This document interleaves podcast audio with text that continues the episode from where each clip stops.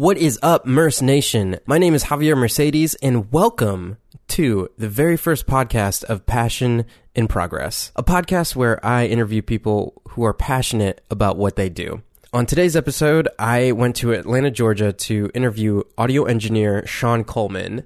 He's been mixing and doing the sound design for the Adult Swim TV show Squidbillies for over 10 years. Another thing that you may know him from is the sound design for hit viral video Too Many Cooks. He also is behind composing some of the music for a kid show called Go Noodle. Each of the videos that he's done for that channel, I believe, has over a million hits. So the guy knows his way around audio engineering. I myself am an editor by trade. So I used to work as an audio engineer, actually alongside Sean at a recording studio back in Atlanta, Georgia.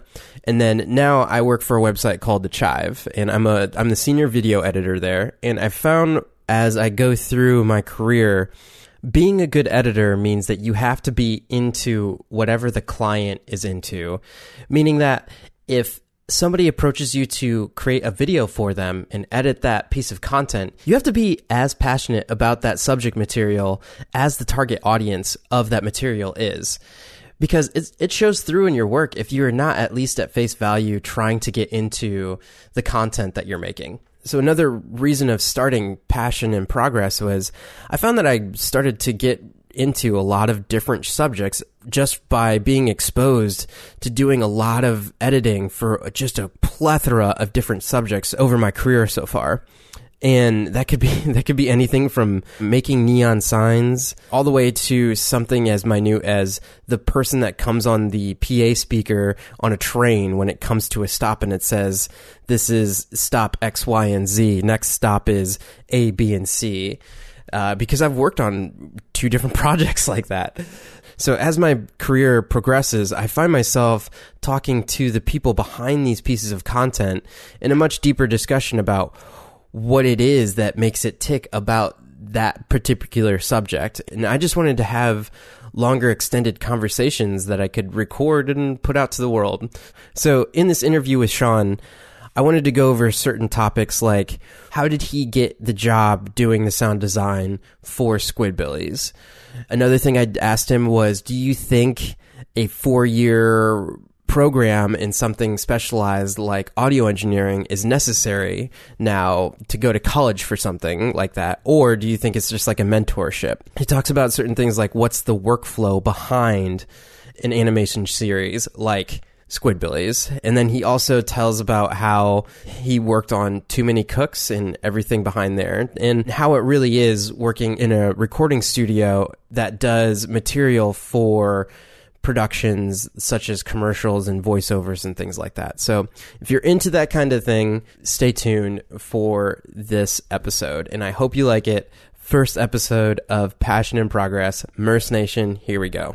What's up, YouTube fam? Javier Mercedes here for another Interv Wednesday. What is that? That's where I interview somebody that's passionate about their craft on a Wednesday.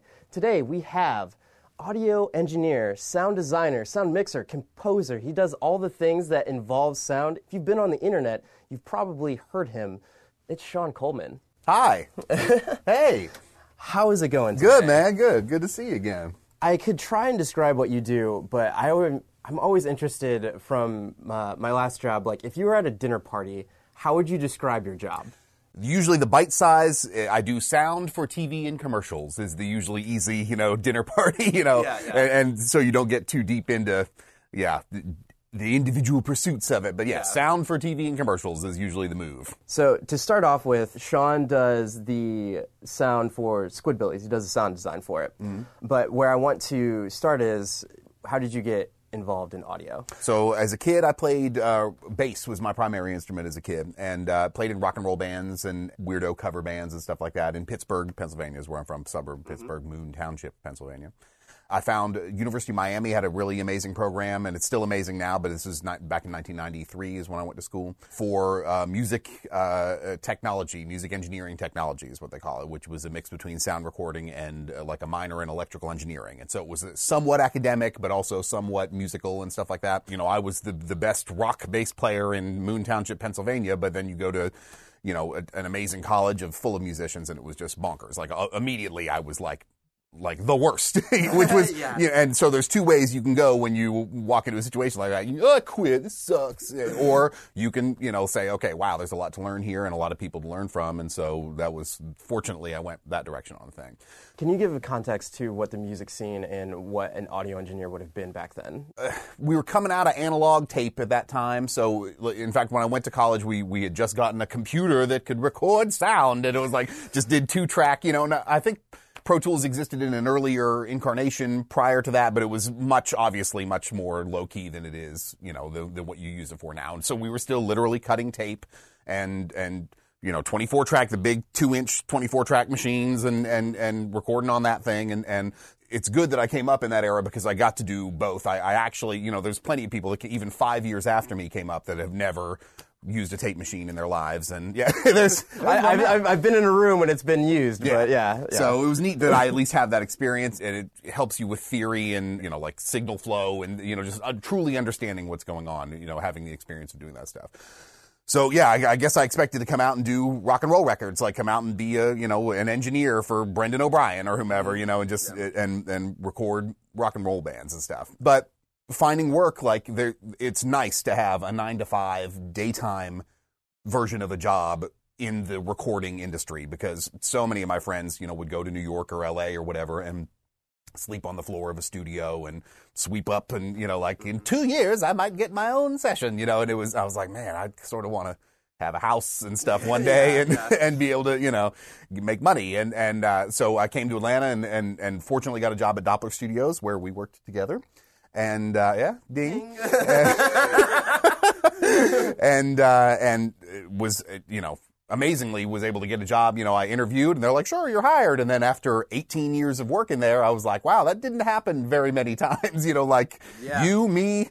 Three other dudes, you know, in that mm-hmm. 18 year span that, you know, that, that just got hired, you know, no problem, you know. Yeah, so what he's explaining is there's a, a constant fluctuation between interns that go through there, and it's not anything against the interns. Like a lot of the people that go through there have a very good work ethic and things of that nature. It's just that's the industry. I would say some of it's luck and timing. Yeah, it was all luck and timing. Somebody had just left that was one of their, you know, key engineers. I managed to hit right at the right time. It was unbelievably lucky, you know, now in retrospect. Yeah, yeah. I think the crazy thing about this field is that you don't realize that sound is 50% of everything that you're doing in in the day. It's mm-hmm. crazy. You're recording a lady for the voice of a toy that's at Toys R Us saying like, mm-hmm. "I love you." And then the next day you're recording like somebody like the GPS system that's talking to you in your car. Totally. Yeah. And how much it carries even work to picture. Even, you know, there are some things that are just audio only, but we're working on a movie thing right now where the sound was, you know, was okay. It wasn't bad, but it was, you know, and, and frankly, the picture, I was like, one of the first time I watched the movie, I was like, man, this is not so great. And it's amazing how much you can polish it up and turn it into something that even it's the same exact picture, but but just shaping the sound a certain way, and also shaping your like you can you can steer the eye a certain direction with panning or whatever, or or focusing on a certain sound of something small that's happening over here.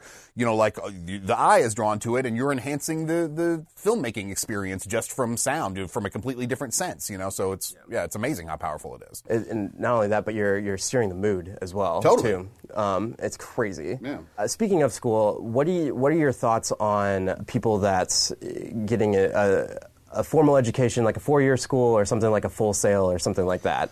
I think nowadays. Uh, Either school is not going to get you a job guaranteed. Like, it, well, like you heard it here for Yeah, well, no, but, but it- but it's true. It, I think I think there's some for some years, like when I was, so I graduated college in 1997, and there was some sense of, don't worry when you get out, there are jobs waiting for you. There was some sense of that. I feel like in the last 10 years, every school worth their salt is, is like, there aren't jobs, bro. You know, thank you for coming here, but, but it's not like we're going to kick you out and, and, you know, the job market's going to sweep you back up and you're going to be, you know, like, eh, because there aren't. There are less jobs now, man. Eh, you have to sort of create your own, find your own niche or whatever. And so I, I don't want to say don't go to school, but in fact, for my children, I'm, I'm you know, I'm, I'm like, man, college is not the requirement that it once was, you know, like where you, well, you have to have a college degree, especially in this type of thing.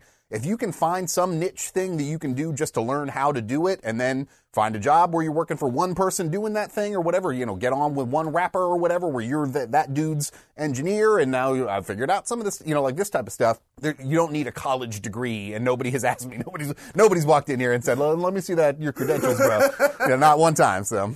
That's hilarious. But it's but that said, I learned a lot in college. First of all, I met amazing people, like I said, and and and just the experience of being around people in different work environments and taking a, a work to picture class that I might not have done if I was working with some rap dude that I didn't, you know, that I would never have the experience to do that. So you at least get to taste a lot of different things and meet different people and have a different experience that maybe somebody who didn't go to school would get. So you're getting something out of it, but but it is absolutely not a requirement to get into this business. Like we could talk to each other about music theory and things like that. I wouldn't have been able to do that if I didn't go to um, music college or I, if I didn't have to go through the school of music at Ball State. Then I still kind of know like, all right, here's a compressor, here's an equalizer. But because of the degree, I could be like, oh, well, the theory behind these things is like, oh, there's a ratio there. This mm-hmm. ratio is logarithmic because of this, and when you do overtones and all that, whatever stuff, which also helps your problem solving in in the long run. So I think I think a lot of it has to do with you have to get your hands dirty with in any way, shape, or form that you can utilize the thing that you want to pursue. Mm-hmm. So speaking of getting out of college and starting at Doppler, how did you get started with Squidbillies? Uh, so the guy, so Dave Willis and Jim Fortier are the creators of Squidbillies. Dave Willis was also uh, one of the creators of Aqua Teen Hunger Force, which is a, a classic sort of Adult Swim, one of the you know total come up Adult Swim joints. He also worked on Space Ghost Coast to Coast. He was he's like from the ground before that, Yeah, yeah. totally. He's ground floor Adult Swim dude. And so they were doing a movie for Aqua Teen Hunger Force where they were coming in to record the voices for the movie. And uh, so they and they were coming to Doppler Studio A to, to do those things. They did, had several sessions, and I was uh, obviously younger at the time, and, and totally you know was like you know that was the dream is working on something that was fun like that. You know, after doing a number of dog food commercials and and rando you know like audio things. you're Toys R Us toys. Yeah, like I get, I get it. You love me. Yeah, yeah. I talked to them in the hallway and was not overly pushy about it, but uh, but was clearly eager. And here's another timing thing. You know, I was like, hey, if there's ever anything you guys, you know, need me to work on, I'd love to get into that world. And now it's mixing in five one, you know, and I'm and I had never done that before. I'd only mixed in stereo before, and, mm-hmm. but I was like, but I'll give it a go, and I was honest about it. I wasn't like, sure, I, I know everything about five one. I'm Mister Five One. I, you know, I was I was like, well, I've never done it, but but I will, I'll learn it, and and you know, I feel like I can pull it off. And the timing was right. They were they were starting on this show, Squidbillies, which was just a funny word that that somebody had come up with at Adult Swim. That they're like, we should make a show. That's a funny word, you know, and they had tried several iterations of, of the script uh, to try to figure out what how it was going to go and what direction it was, and they had made a pilot that was really really great with another engineer who is a good engineer. I know I've never met the dude before, but they, but uh, but he was good. yeah yeah it, it was cool. I liked it, uh, uh, but I think he was less eager to detail things and to really bug out on it. He was older than me. that He's probably what how old I am now, so he was sort of probably in, in my checked out stage of like whatever. No, I'm, I'm not checked out. Yeah, I, I was going to say, uh, if there's one thing I can say about Sean, or two things, it's very much that he's detail oriented, and not only that,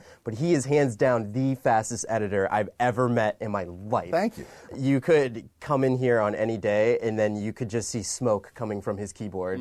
He's the he's the first guy that taught me if you don't have to touch your mouse, don't touch your mouse. I don't know. You could sit there and like watch somebody do it, and you're like, what what did you even do? Like, I've been doing Pro Tools for some time, but like, how did you even know how to do that one thing? I do. This thing's even crazier. So I'm on Fairlight now, which Yeah. is a completely different software platform. Although I'm still using Pro Tools for composition and stuff like that, but the main mixing thing is is Fairlight, which is a whole nother head. It's totally there's no mouse.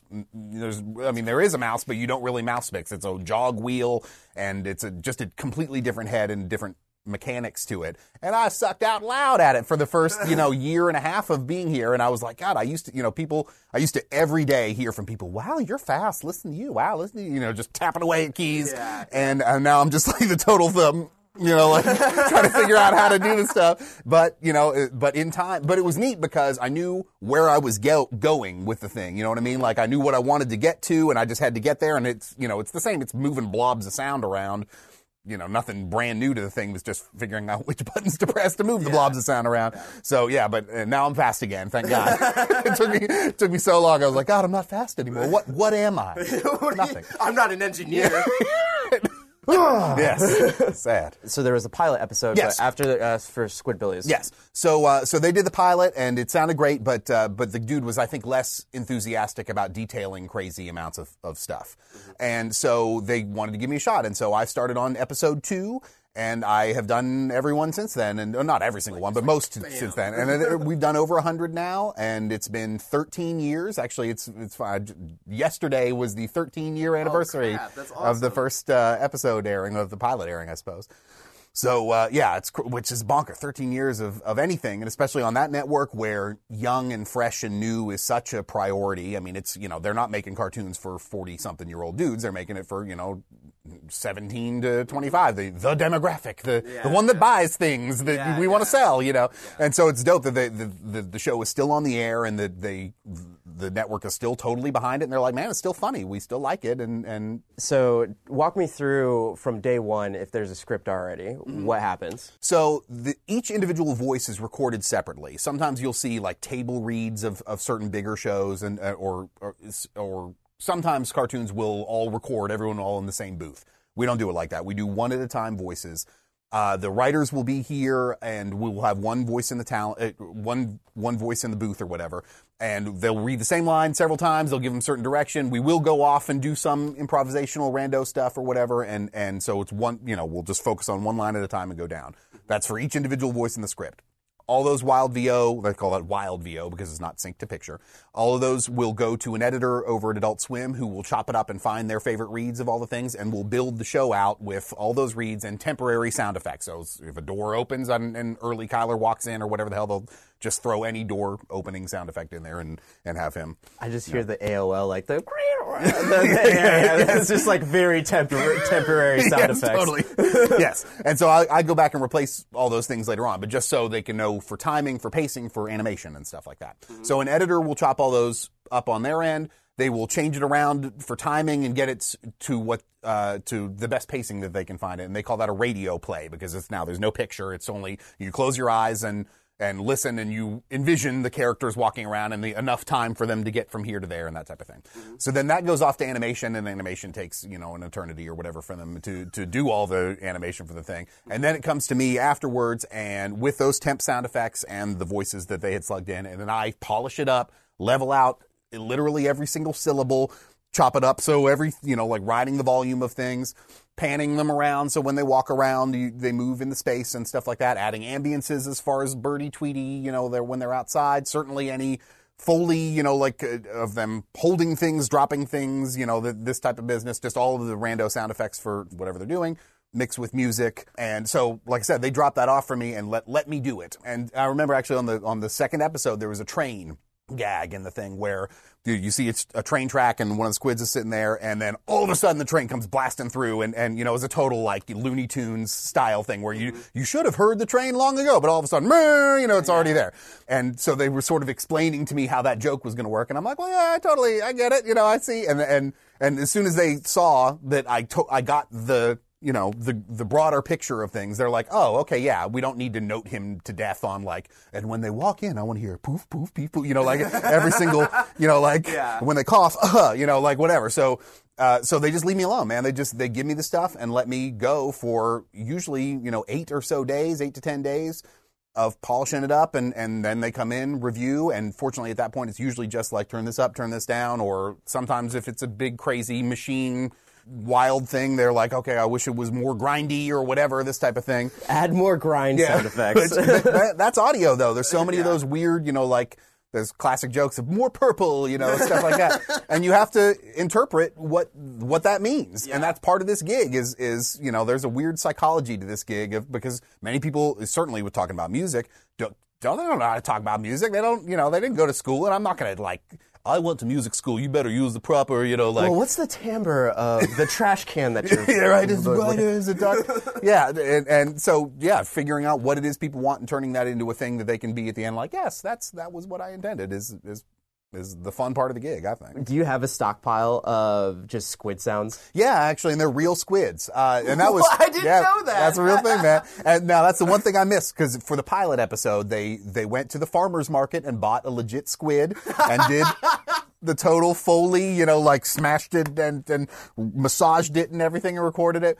And I have, I have those sounds and I've chopped them up and now I have them all edited and EQ'd and ISO and, and it's uncanny for any squid movement that they make. I know exactly where to go in that bank of sounds to find, you know, a fast arm move, a slow arm move, a slow get up, uh, hit the ground. I have five different hit the grounds and, you know, and, and yeah, so they're actual squids on that, yeah. That's great. And it's it's everything still recorded from that pilot episode. Yeah. That's crazy that totally. f- from there on out you've still been using the Yeah, same and it's uncanny. I, I, you know, X episodes later, I, I'm always thinking um, they're going to make some move that I don't have that I got to build out of something else, and I am. I al- like I can always build it out of this. And They were, I don't know how they did such a good job of that, but they did. You know. Never been tempted to Yeah. g- go back and get some squids. Yeah, you buy another one. No, I've never Your been own tempted. Yeah.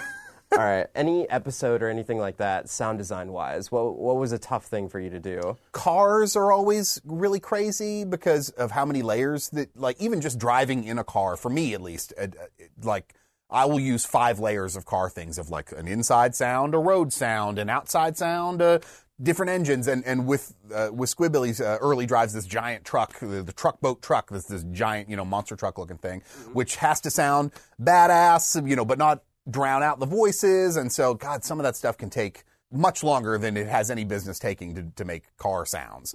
I- The neat thing about Squids, every episode, and 100 episodes in or whatever, every episode has some little weird thing that I could say, well, this was, you know, for whatever reason, the dialogue editing was unique on this one, or weird cars on this one, or a lot of underwater. Everybody is talking underwater in this one. How am I going to do that? And, and Oh my gosh! Wow, how did how did you do it? uh, that something like that. It would just be plugins. It would just be, you know, like I didn't know if you just had people gargling water in the studio while you recorded the, the sound. that's a good idea. Where were you four years ago, bro? I I really like to talk about Doppler and just like all the different experiences, like with other people after I've been there. And I think one of the coolest things to bring up is like, oh, well, there's there's Sean, he does the Squidbillies, but he's also the guy behind the voice behind Too Many Cooks. Yeah, uh, actually, I want to I want to read this on the IMDb for Too Many Cooks. Oh, okay. For those of you that don't know what Too Many Cooks is. A series of montages that parodies the introductory title sequences of generic 70s, 80s, and 90s TV shows of various genres slowly turns into an absurdist meta slasher, and then parody becomes even weirder. What does that mean? Well, you just gotta watch it and find out, okay? But keep watching this video and then go watch it. Was the idea just brought up in a recording session like, hey, we're doing this thing and you should do it, or what? So there's another writer, a staff writer at uh, Adult Swim, who's also been there uh, damn near as long as, as Dave Willis. His name is Casper Kelly, Chris Kelly. Uh, and this was his idea to do this thing. He's been like a staff dude there for forever. He worked on Stroker and Hoop, which was a show a bunch of years ago, and he does you know promos and just whatever Adult Swim needs him to do. And I think he had this idea to do this thing, and they have a slot, and they I think they had aired a few of these before, where at 4 a.m. completely unannounced, they will put some, some super random weird thing on. so crazy. Yeah, and and so obviously to unnerve super stoned people, like you know, it's four in the morning and you're what Yes, the hell? yes, that will do that. Yeah, that's that is the goal, and that is what you know. That's what the plan was. So uh, so he wrote this thing and brought it and and asked me if I would would work on the music, and so a year of diddling with it. So first of all, actually, we all sat down.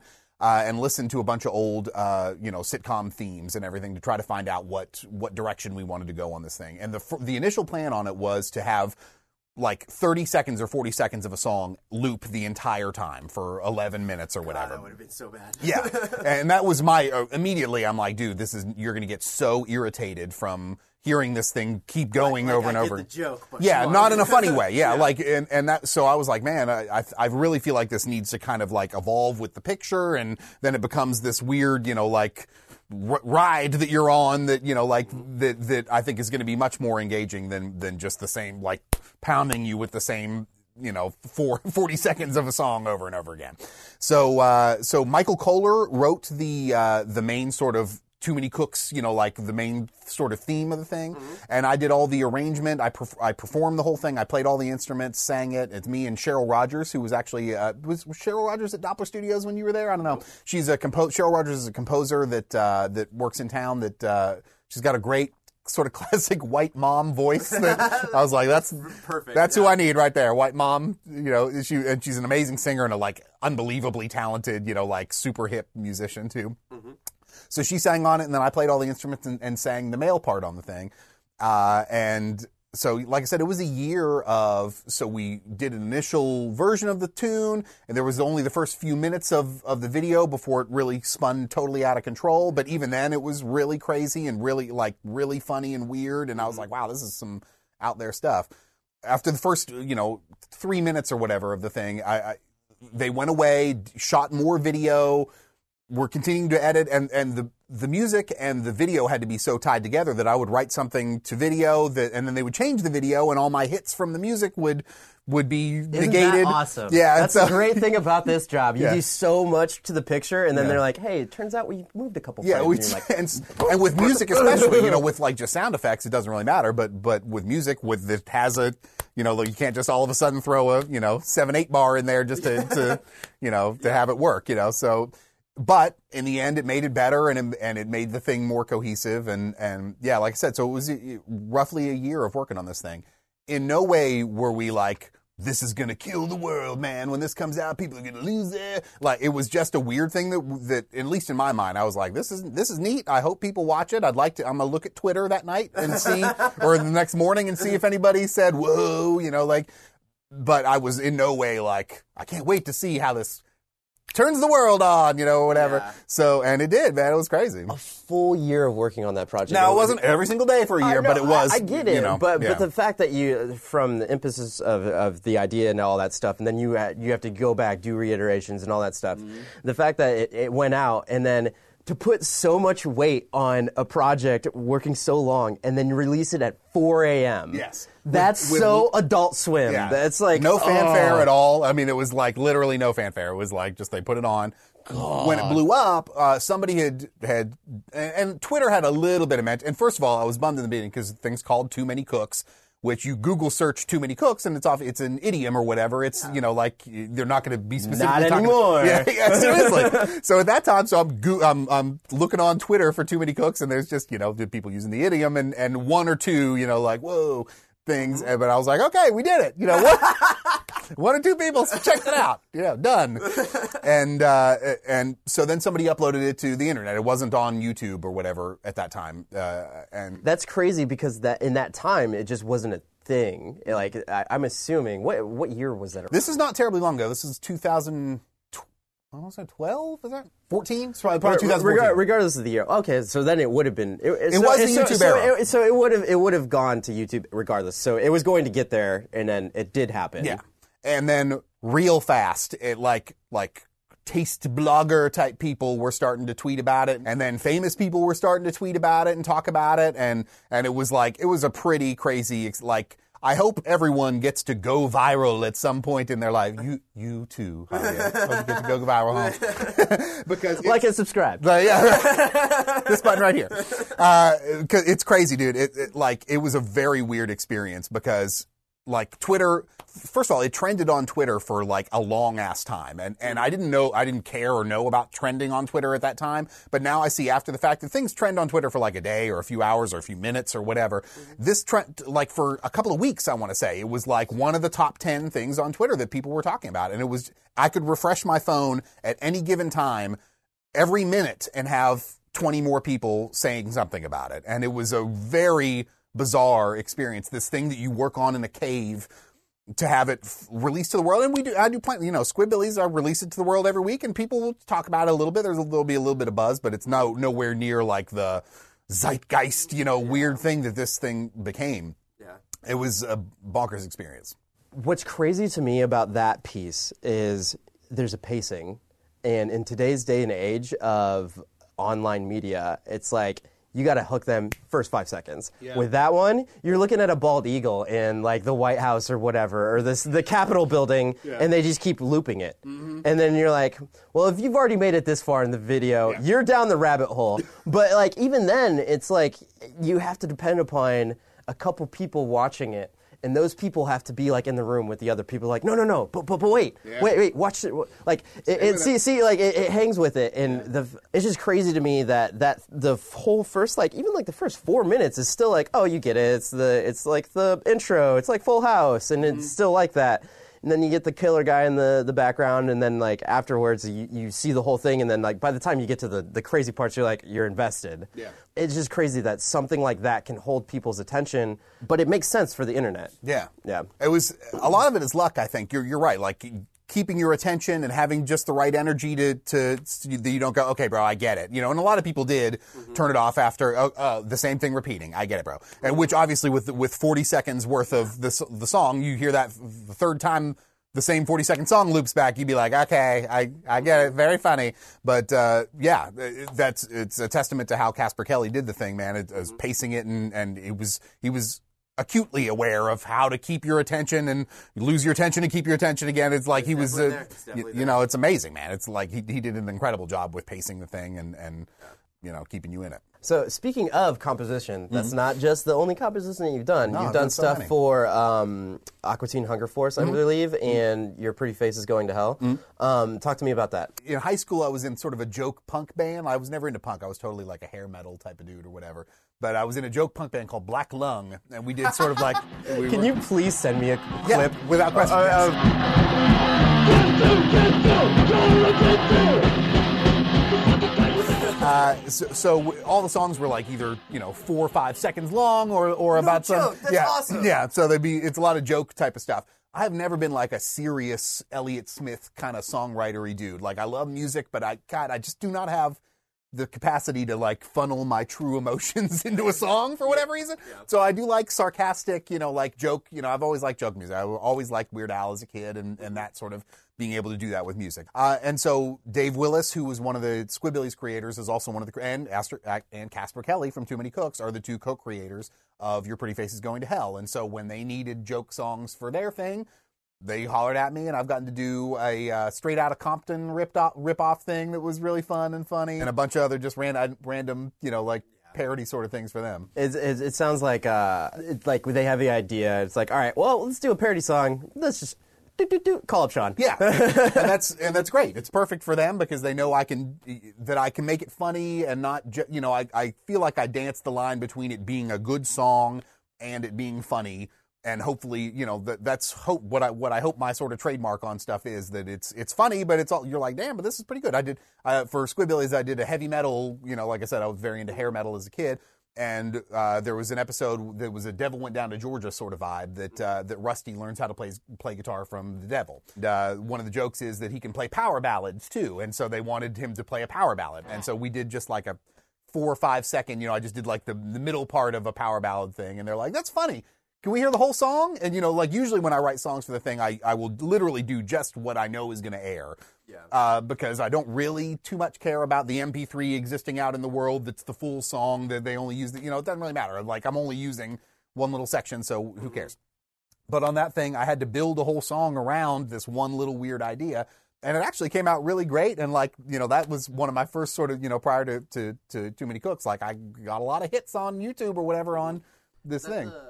I feel like with you, there's probably this this happy medium of one, you're, you're it's convenient that like, oh, this is the person that we work with that, that we know, and then two, you have the skill set to do all that stuff, and then three, there's um, in a working environment, uh, you get to be creative, but then you also have a schedule of of being able to do stuff. So, Totally. Uh, and you mentioned being able to do uh, the business, or not the business, but um, tote the line of ha- have it be like, all right, this is parody, but have it be a good song, but then like hit all those notes. and then know how it's going to be used in a show and make an underscore section because I know they're going to talk over it. So make a make a little section that's just instrumental because I know they're going to need that. And you know, like you know, it, it helps being the re-recording mixer and the composer and all those things, knowing you know where you're going with the thing. And it's probably nice that you get to flex that creative muscle too. Yeah, it's a gas man, and it's it's fun. Yeah, that's the neat thing about this job is it's always different. It's a it's a baby toy one day and a weird song the next day, and and you never get boxed into one world. Although I will say in LA, like mixing TV shows and cartoons, like they, they do get boxed, and that's just the way the factory works there. People will be just the, the dialogue editor, just the Foley artist, just the Foley recordist. And man, that would make me crazy just to do that one thing all day. Like I had a buddy who was telling me, the, the Foley recordist is like it's two mics in a room and they, they sit there running the Pro Tools or whatever and they mix those two mics together and they do it in an artful way and it sounds phenomenal and everything. But man, doing that one thing all day would be like, man, after three days of that, I'd be like, can we do the next thing now? Where's the baby toys? You know, like, it'd be- Where's the baby? toys? yeah, it'd be crazy. Yeah, I think there's um, there's something to this world in the business sense that's different from the music um, world where you have to meet the demands of the client. What I like is about the music that I hear from you is like it's so simple in in the in some respects of like all right, here's a drum beat. And it's like it's not like all right, here's like over. It's like all right, no, I got my kick, I have my I have my snare, and then here's the basic beat, and then here's like here's me singing, and then like we get to the point, and then if it's a jokey type of thing, like you hit the jokes and all that stuff, mm. but you got the project done, and it's there, and then like it it complements whatever the piece is. Mm. Where where I think what could get people held up is if they were hiring somebody else that like isn't familiar with trying to work with the whole visual aspect is like, oh, I want to make this piece like this, and I want to be really creative. Like I have this like violin thing, and like just what you're talking about. It's great to have all of that high frequency material, but you can't do that while people are talking. Yeah. Yeah. Dude, that's the, that is the dance of this whole thing, man. Is is time versus you know.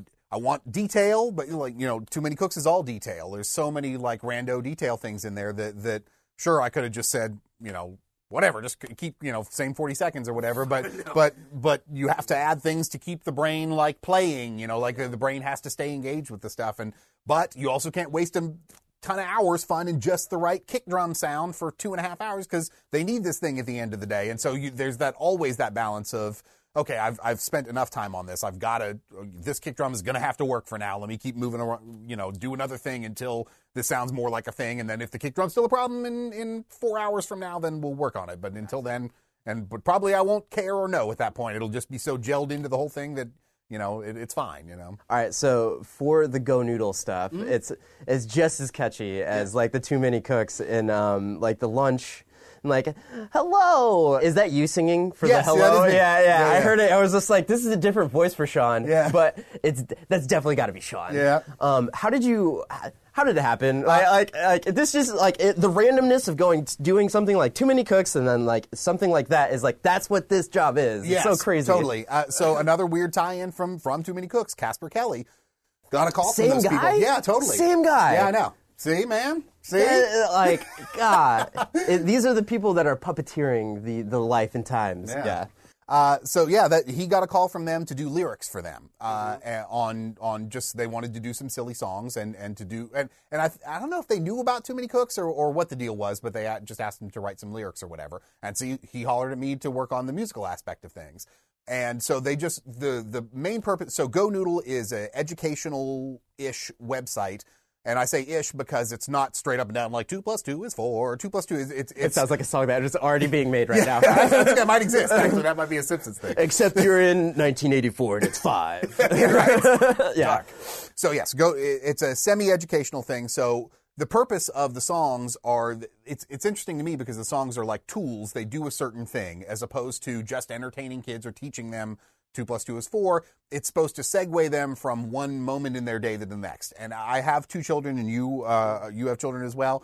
And so I, now we know that that breaks in the school day are extremely valuable, and like I think there was an era where they thought, well, these kids have got to be churning tests all day and take away recess, and you know, just like academia, the every moment of the day. Mm-hmm. Well, I have children, and I know that seven hours in a row of testing and, and, and learning is not going to stick. It's not, you know, like, and they're going to spaz out, and they're going to they need to move around, they need to they need breaks from that stuff. And so that's what the Go Noodle stuff uh, typically is. It is uh, either uh, breaks between things so you can get up and wiggle it out and move around or whatever the heck, or it's a segue from one thing to the next. Because uh, as you may know, with kids, especially with a toddler or whatever, segues can be real gnarly for kids. Where it's like, okay, now put your shoes on, we're going outside, we're doing another thing, and you, and you got to wait 40 minutes for them to like feel like doing that or whatever. So the, there's a song about going to lunch. There's a song about quieting quieting down that we did. That's like you know, like if everybody's spazzing out, okay, we're about to. I'm gonna read you a quiet story.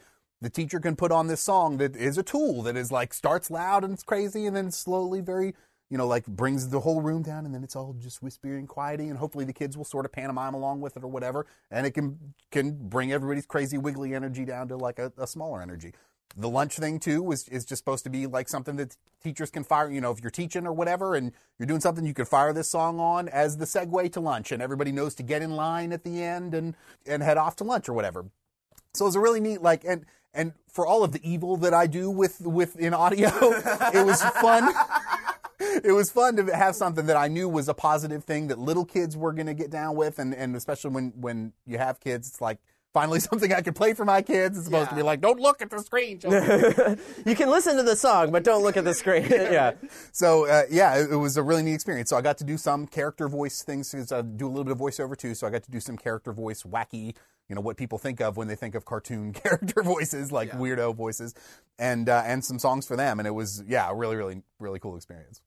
Uh, speaking of character voices, let, let's go. Let's talk about the interaction between you as an engineer and the talent. How how is that? How would you describe, especially for something like comedy? How how would um, so in this room here, there's like the producer, there's you, and then the talent. How's that interaction, and how would you describe how to act when you're trying to get the material that you need from somebody? I, so I live in this room and I will do anything on a microphone. I have no, you know, like I'm going to look dumb or this is they're not going to like this. Like I know to just go for it and you know, like put it on tape and see later on if it's going to be funny or good or whatever, but you got to go for it. You can't kind of yell if it requires yelling, you got to for real yell. And so I know that, and I try to create an environment where the, where the talent feels safe that they can be dumb and and look a fool in order to get a performance that I know in the end they're not going to be like, oh, I feel dumb. Do you know? Th- you know, it, it was the right thing. It was what you needed to do comedically, and so yeah, just making making sure they're comfortable. You know, like certainly levels are correct and and not barging in and and uh, micromanaging every aspect of their performance, letting them just do a thing and and laying back, not line reading everything, but sometimes line reading if like if you know like line reading is a weird That's, thing that people can be very careful about. I've worked with some people that will never line read. And they'll spend 15 minutes trying to get somebody to shape something away that, and I'm just like, bro, line read a man. Like, say it, and then they'll say it. Like, we've done this for a couple minutes now, do it. You know, and they're getting frustrated. They're like, I don't know what the fuck they want. You know, like, you know, line read them. You know? I, I think that's one of so it's not just in this atmosphere, but going and um, doing stuff on camera and, and filming things nowadays is different. Um, I I understood the demographic between or the interaction between like a producer and a talent, and um, with it, with in terms of the the line reading and stuff like that. That was one of the first things that I caught on to is like oh they're not they're not like saying anything verbatim. They're they're like all right they're they're just trying to direct them into this this line that they want them to get. Sometimes that's exactly the right thing, and sometimes it's exactly the wrong thing. yeah. and it's it's crazy uh, especially th- so there's like two types of things that could go on. One the talent could be in the studio then two they could be over a phone line or a, uh, a Telos Zephyr isdn man i haven't said isdn for a really long time That feels good. uh, uh, so an ISDN, which is just a high quality, like I don't know, Skype. call. Yeah, yeah, it's uh, like a FaceTime, but you don't see their face, and you you get the good audio. Mm-hmm. Anyhow, when they're talking to the talent, um, they're I wouldn't have known what a producer does, but I would say a lot of it is just this. It's not puppeteering, but it's like they have to get this idea that even if they didn't write the material, they have to get this idea that's for the show or the project or whatever out of the person that's um, acting. And there's this like teamwork that goes on between the engineer and the producer. Like engineer, kind of in some respects acts as a producer sometimes when it's like, all right, you didn't you hit your plosives. Can you stand back and all that? Or with your read, can you not do this from this whatever like say it this way for a technical aspect but then it kind of starts segueing into the producer role if like the producer's trying to get them not to line read. Mm-hmm. And then you're like all right well you know some way of describing it another way and then you can get them to say it. That's another thing that happens where if a producer comes in and they're like oh man the engineer just made my job so much easier because they they told them to do this and then they they the person did it and then we were done with the session mm-hmm. like that was it and then they were fast at their job and all that stuff it's it's crazy those kind of things that you can't really teach but those are the things that like that you got to be here to learn that stuff, man. Yeah, The- the- yeah. Like being in the room and and and for every new producer that I work with, figuring out like some roll in and literally want me to talk to the talent and do all of that stuff, and they just sit in the back and just will chime in if there's something wrong or whatever. And some want to totally either feel like or actually be in charge. You know, feel like sometimes I have to kind of like you know, dance both dances of like making them feel like they're doing everything, but I'm doing a little bit of stuff and and figuring that out for every single person. But it's not hard. It's just you know, like you get the vibe right away of like this is a type A person that really wants to be like, hello, I'm here, hello, engineer, okay, let's, and I'm like, okay, I'm I'm just the engineer. Here we go, red button. You know, like, and, and, and mm. until I'm needed for something, and then I might chime in, and then I'll get a compliment at the end. It's nice to have an engineer who who cares about the project and was willing to chime in like that. And it's like, yeah, well, if I chimed in in the beginning, you'd be like, well, this is my project, bro. Why are you trying to, you know, like, so is, you know, f- figuring out that dance is is interesting, you know. He says it's not hard, but trust me, that's it's like it, he's been doing it for so long. There, there's definitely like if you're new, and, especially when I when I switched over from being an intern and doing full time stuff, there's especially like when you're doing the nighttime gigs and um, at Doppler. So during the day at Doppler, there would be uh, there would be the normal corporate type of stuff. And then at night, there would be the music gigs. And those would be your very cliche Atlanta rappers like Two Chainses, P. Diddy's coming in and doing like random things like Ludacris's and whatnot. And during those types of things, like you have to know to do the setup. And then there's, there's this whole like interaction where you don't want to. You don't want to kill the vibe. Like, mm-hmm. "Bitch, don't kill my vibe. I, mm-hmm. like, I sometimes when I hear that song, I'm like, oh man, I wonder if Kendrick Lamar was just like, hey, I had this thing going, and then some engineer effed it up, or some some other person was like doing something, and he's like, you know what? Thank you. You killed my vibe, but now I'm gonna make a song about it. yeah. Listen to my art. yeah. So so I think that's the in in terms of this kind of job you have to or anything in this kind of creative field you, you have to understand the relationship between you and the producer and all that other stuff. Yeah. Um, can you talk a little bit about the relationship with a producer or just like networking in general? Like, I, it- so for me, what it sounds like from your story, the butterfly effect of your one conversation that you had out in the hallway had eons to did. do with whatever happened in the rest of your life. It totally did, yeah. I and I tell people, you know, be eager but not too eager, and that's the weird dance of you know just being around here. You can, you know, be the most eager, like, come on, let me work on your thing, man, and and and, the person's like, okay, we'll see, bro. You know, you seem more like a fan and and less like a, a peer. You know, finding that weird dance where you're just like, hey, I want to work with you. I, I'm not aloof, but I don't, uh, you know, just finding that perfect dance of things is a learned trait, or maybe some people have it inherently or whatever. But but man, it's just like yeah, figuring out exactly the intensity that you need for me to get your project. Uh, you, is just from reading you and just like, is this a guy that wants somebody that's like, man, this what a high energy, crazy, spazzy guy. I love that. Or wow, that high energy, crazy, spazzy shit is like not cool. I don't like that. So it's you know who knows, figuring that out gig to gig. And and I also don't feel like I'm being a fake person per se when I'm like, you know, toning down my energy or what have you in order it, it, for a session. That's just that's what the room needed for this particular thing, and that's part of this gig is is is you know either being invisible and just pressing the record button mm-hmm. to get the the right thing, or being silly or whatever in order to to coax the performance out of somebody because they felt shy and the eh, you know like trying to figure out what what tone you got to set in order to you know to turn the thing into a thing. in terms of like talking to people and things like that, it, it, it's it's it's weird. It's it's that timing and all that other stuff. But I think in my experience, especially just people that I meet, not not just in this field, but just like anywhere, um, if you see that they have that drive, I would say their effort or their their mind is in the right place. So they're they're coming from a good place, and it, it's not like um, what you're talking about, like fanboydom. It's like, oh no, if if you're putting forth a conscious effort all the time to be doing all the stuff, mm-hmm. and then like somebody sees it, like it, the success is going to follow. Mm-hmm. I I've, I feel like, and I think that's getting back to the whole college education and all that stuff. Yeah. From what I've seen, it's like it's really awesome to get the theoretical and all that stuff, but it's if you have that drive, there's there's one thing to be said if you have that education and then you come in and you're like, oh, I just want to have the nine to five. But then there's like the other people that are young and they're hungry, they're thirsty for that for that stuff. Which there's a lot of people there, but if you put that effort in the right places, like eventually people will notice. And if it's not, if you're not working here, then in today's day and age, it's like, all right, well, you do your own thing. I've like whatever random cameras here. I'm, I'm YouTubing uh, this, you know. It's like it's it's random stuff. And I think, man, that's the way to succeed in this modern era is to find some niche thing, either create it yourself or work for, you know, like for sound, for example.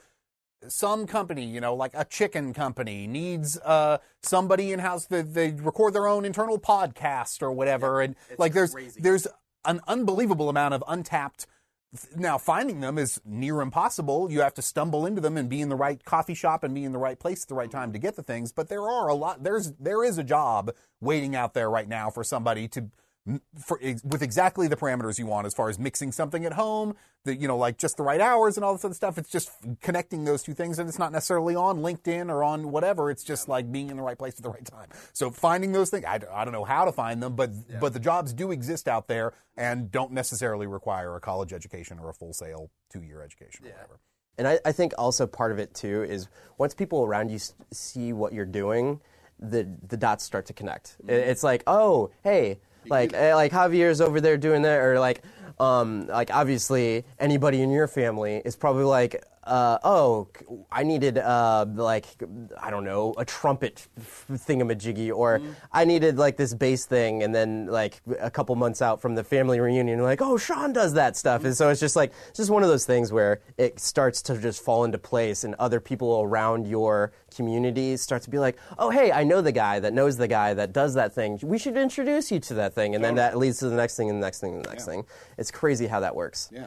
One of the things before I cap it off is who is who is somebody that you've worked with that like has really stuck with you like just like either one time or um, just like you met them and you're just like man this is really cool to get to work with Uh, so Doppler Studios, we worked at together. Uh, there was a guy, Joe Neal, that uh, that we worked with together, uh, who recently passed away and was an amazing, huge influence. I, I don't know, probably on you technically, and, and Oh, yeah, yeah, yeah. and and huge There- influence on me technically. there's no you just have to meet joe so so to give you the gravitas of joe neal um, i went to my next job and then anywhere i went when I would walk in a room and if something was broken and we were problem solving it and I walked in and it was something that I was specialized like oh I know how to fix this and then if they called me and they're like Javier can you come fix this and I walked in and then it worked Yeah. I, I called it the Joe Neal effect Yeah, totally. And, uh, he and- would he would just intimidate gear, and it would uh, it would work. Yes. Yeah. So so now even at the Chive when I'm working.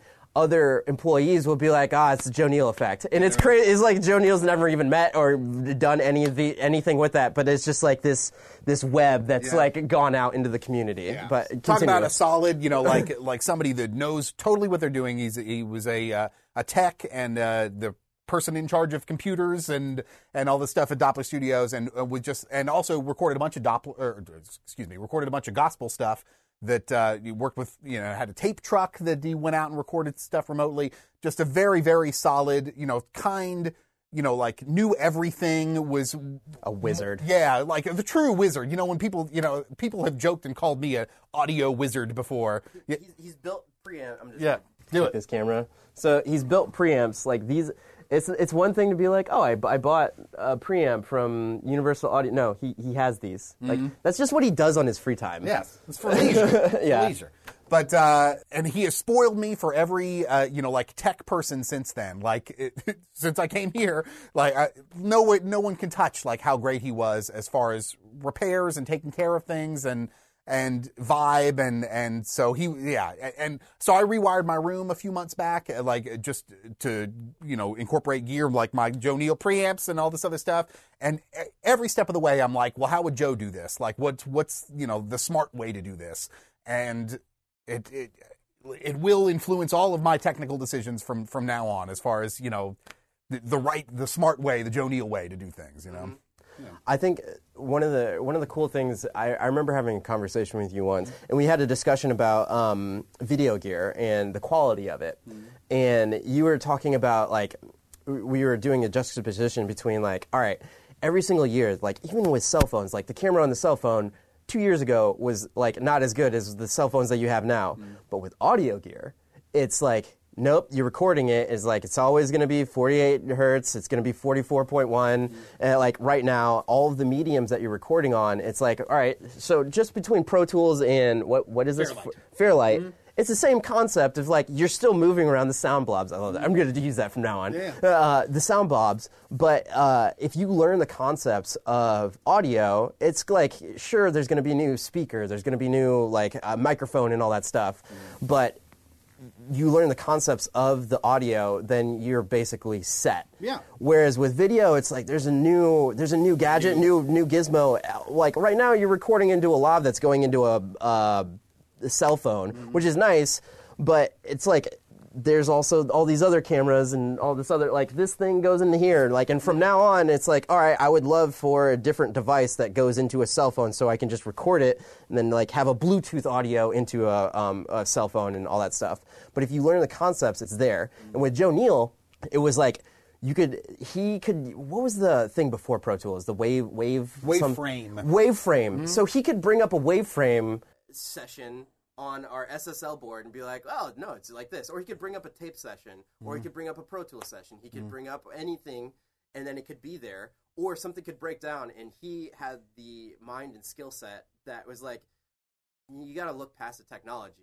Mm. And, or the like the newness of it and it's like no you're looking at a compressor and then he would literally open it up and he would solder something and be like oh no you do this with it and it's like it's crazy because like you meet somebody like that and you're like oh these are like when you when you think Engineer. audio engineer literally he's got the like he's got the oh i'm recording it but no he's sitting and you see smoke coming from the things that he's Yeah. soldering and he's making patch bays and all that stuff Yeah, totally. Yeah. And just doing it, like I said, in the most logical. You know, you can you could you could wire something up and then have it be upside down or whatever. You're like, oh damn, I should have done this first. And and so I, everything that I do, I try to think about it in advance. And actually, I made very few mistakes in here. I was very proud of myself. You know, and I actually took photos. There was one thing, you know, like when you're running long amounts of cable, uh, they come on a big spool or whatever. And total Joe Neal move with like I got like a milk crate and a broom through the the spool, so the spool can sit in this milk crate, and you can just pull the cable out, and the spool would turn. And I'm like, I'm photoing it. I'm like, this is a Joe Neal move and a half right here, man. This is like, yeah, just it, it- even little, th- you know, something that I would have taken hours of s- unspooling this thing, you know, like, uh, yeah, it just, it's yeah, it's amazing how much he, you know, technically and vibe wise, he, he's had a huge influence on me. the joe neal effect Yes, totally. there is any any advice that you could give to somebody coming up i know we've talked about it a little bit just somebody that's watching this that like wants to get into audio engineering what would you tell them Um, one thing is finish things. That's one thing that I've been thinking about while we've been sitting here. Everybody can start something. Oh, I got a great idea. And you start, you know, like, man, finish it. You know what I mean? Like, get it to be a packaged thing that you could have at the end. A million started songs is nothing, man. Uh, Like, if you have at least a, and because things need to get done. If it's going to show up on TV, if it's going to show up on the internet or whatever, it has to be done. You can't be a, I had a great idea, you know, like it has, you know. So seeing a project all the way through, and when people see that you see projects all the way through, then they hire you to do projects that they need to be finished. You know what I mean?